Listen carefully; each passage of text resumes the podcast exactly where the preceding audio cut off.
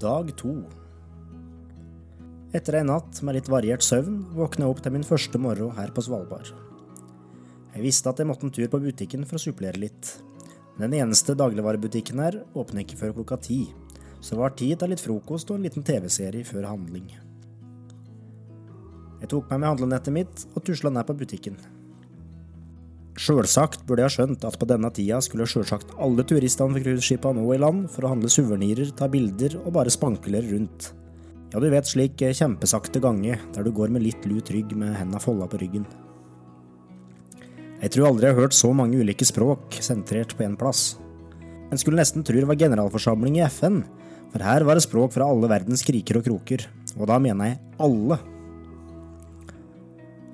Sjøl om Coop-butikken hjemme i Alvdal ble fin, så er Coop-en i Longyearbyen nok noe for seg sjøl.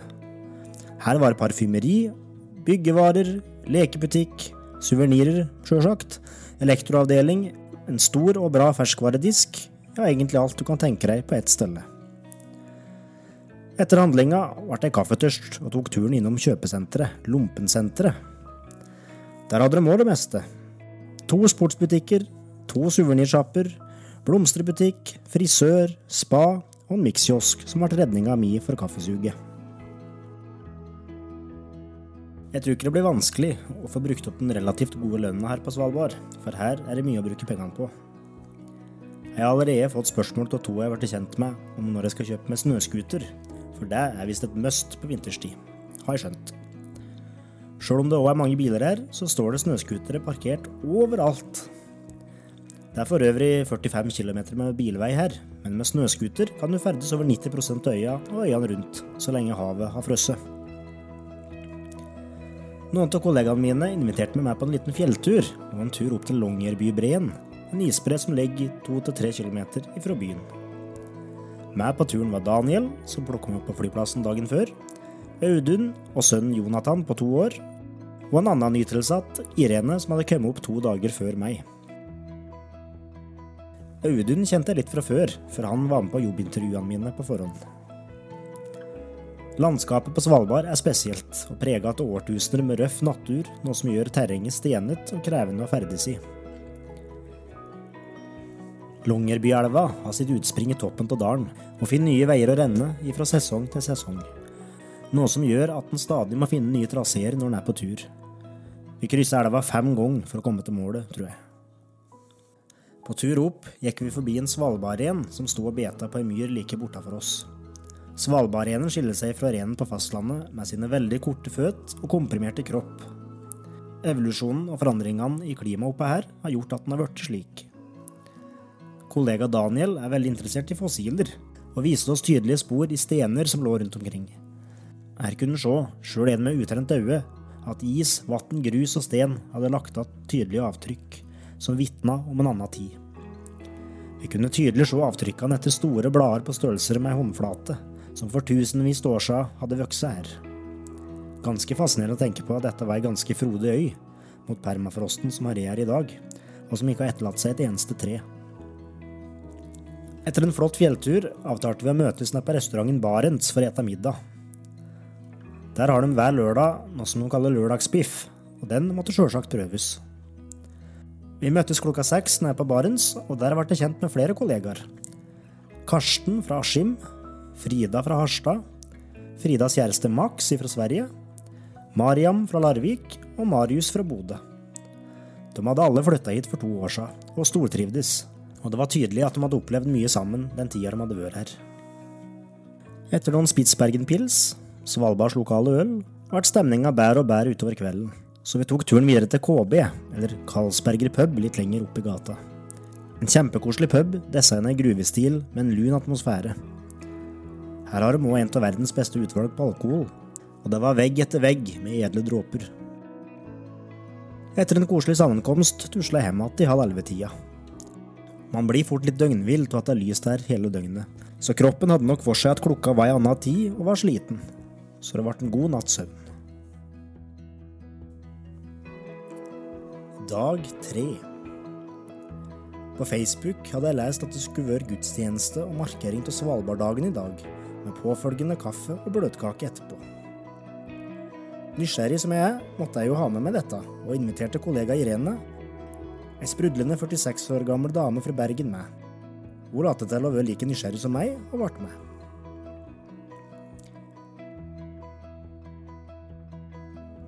Kjerka på Svalbard ble opprinnelig reist i 1921, men ble brent ned av tyskerne under andre verdenskrig, i likhet med store deler av resten av byen. Særlig det som var tilknyttet kulldrifta her. Den nye kirka ble reist i 1957 og er verdens nordligste kirke med plass til 140 personer i kirkerommet. Kirka blir i dag brukt til gudstjenester to dager i uka og konserter. Kirkerommet er meget spesielt og minner mer om ei DNT-hytte enn ei kirke men det var en veldig koselig atmosfære der. Under kjerkekaffen etterpå ble vi sittende ved sida av en kar fra Telemark som jobba for Det norske kartverket, og være oppe på ei ukes oppdrag. Han hadde god kunnskap om Svalbard, og forklarte oss litt om rangordninga som var før i tida. Under gruvedrifta på 1900-tallet måtte alle på Svalbard gå med hjelm, og hver hjelmfarge representerte noe. Grønne hjelmer representerte grønnskålingene, som hadde jobba her mindre enn ett år, noe som forklarer hvorfor jeg stadig vekk blir kalt grønnskåling. Røde var arbeiderne som hadde vært her mer enn et år. Hvite hjelmer var for gruvedirektørene, gule hjelmer for beboerne og blå hjelmer for turister. Kirketjener Hilde Maria fortalte oss ca. 30 besøkende om Svalbardtraktaten. Svalbardtraktaten en internasjonal avtale som sikrer Norges fulle og uinnskrenka suverenitet over Svalbard. Traktaten fastsetter samtidig vilkår som Norge skal oppfylle i forvaltninga av området, blant annet når det gjelder likebehandling av borgere og selskaper fra alle land som har slutta seg til avtalen, og begrensninger på bruk til militære formål. Svalbardtraktaten ble inngått 9.2.1920 og trådte i kraft 14.8.1925, og omfattet til sammen 44 land. Svalbardtraktaten er en av svært få internasjonale avtaler fra oppgjøret etter første verdenskrig som fremdeles etterleves. Med unntak av under andre verdenskrig har Norges suverenitet over Svalbard aldri vært utfordra eller bestridt. Strid rundt fortolkninga av traktaten i nyere tid har først og fremst knytta seg til om Svalbardtraktaten også gjelder havområdene rundt øygruppa. Etter kirkebesøket gikk jeg og Irene videre for å besøke den lille gravplassen her i Longyearbyen. På veien gikk vi forbi minnesmerket over de 130 gruvearbeiderne som hadde omkommet i gruvene i perioden 1916 til 2016. Blant navna var også to fra fjellregionen. 31 år gamle Nils Julius Krogh fra Røros, som døde i Gruve 1 3.1.1920, og 45 år gamle Toralf Østvang fra Os, som døde i Gruve 2 17.3.1932. Sjøl om de fleste gruvene i Longyearbyen nå er lagt ned, er det fortsatt drift i Gruve 3 og Gruve 7, og det utvinnes fortsatt køl her. De andre gruvene er enten ødelagt av tyskerne under krigen, eller ødelagt gjennom snøskred og stensprang. På den lille kirkegården står det om lag 30 graver, de fleste fra tidlig 1900-tall, men òg noen så ny som 2015. De nyere gravene er det mennesker i nyere tid som har hatt en spesiell betydning for Longyearbyen som ligger. Grunnet permafrosten er det kun aska som er lagt ned i de nye gravene. Noe som fascinerte meg, var at mange av gravene var datert til oktober 1918. Da herja spanskesjuka her, og flere av gravene hadde datoer datert i løpet av en periode på en ukes tid. Dag fire. Første arbeidsdag i Polarflokken barnehage. Her i Longyearbyen er det to barnehager. Polarflokken og Kullungen. Jeg er ansatt i 100% stilling i Polarflokken barnehage som barne- og ungdomsarbeider. Ifra bostedsadressa mi til barnehagen er det ti minutter å gå, men det er godt å starte dagen med en luftetur. Vel inne i barnehagen ble jeg mottatt av noen herlige unger som slett ikke var sjenerte, men veldig tillitsfulle, og jeg ble fort tatt inn i varmen og i leken.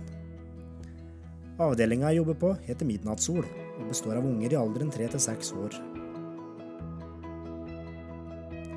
Etter litt lek utendørs tok jeg Daniel og Karsten Maas førskoleungene, eller pantodonter som de kalles, til hundegården Green Dog, et kvarters kjøretur unna, der barnehagen er på besøk tre ganger i uka, to uker av gangen.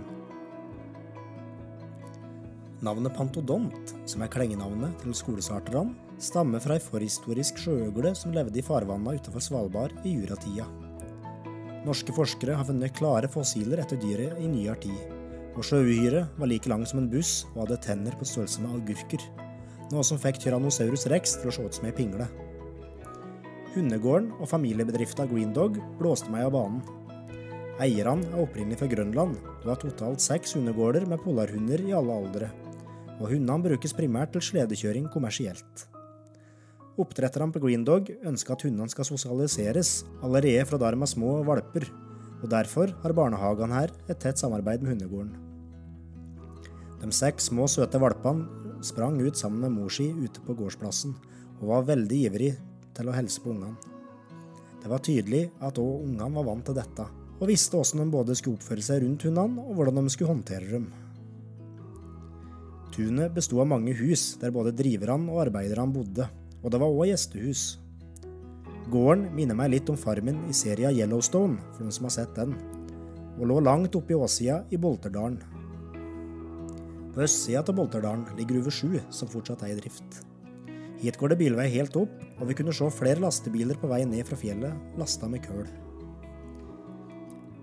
Ikke nok med at tunet var imponerende, men de har òg bygga en bygga en lekelandsby med en 20 meter lang bru 3 meter over bakken som munner ut i et stort sjørøverskip. Fra toppen til skipet kunne vi skli helt ned fra skipet og ned på myra nedafor. Ellers så var det lekeapparater å se overalt, så det spørs om ikke Longyearbyen også har sin egen Olav Steihaug og venneskog her. Daniel, som òg var isbjørnvakt i barnehagen, laga mat til oss på bålpanna. Å være isbjørnvakt er et ansvar man påtar seg etter å ha vært gjennom det obligatoriske sikkerhetskurset, som alle som er ansatt i lokalstyret her må igjennom, og som jeg skal gjennom i september. Her får vi opplæring i skredsikring, skyting og generelt praktisk trening i hvordan man forholder seg i ulike situasjoner hvis en møter på isbjørn, som bank i bordet sjelden skjer. Daniel har som isbjørnvakt da ikke det praktiske ansvaret for ungene lenger, men for å følge med på om det er bjørn i nærheten når vi er på tur, så Karsten og jeg hadde derfor hovedansvaret for ungene på turen.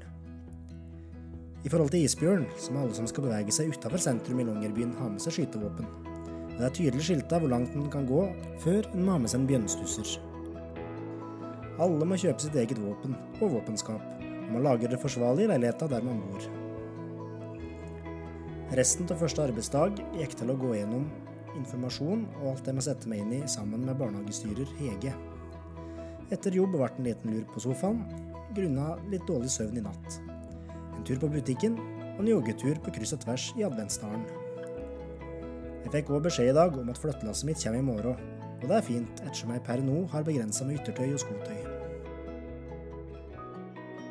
Det her var del én og to ifra programserien Reisebrev fra Svalbard. Neste episode kommer neste søndag.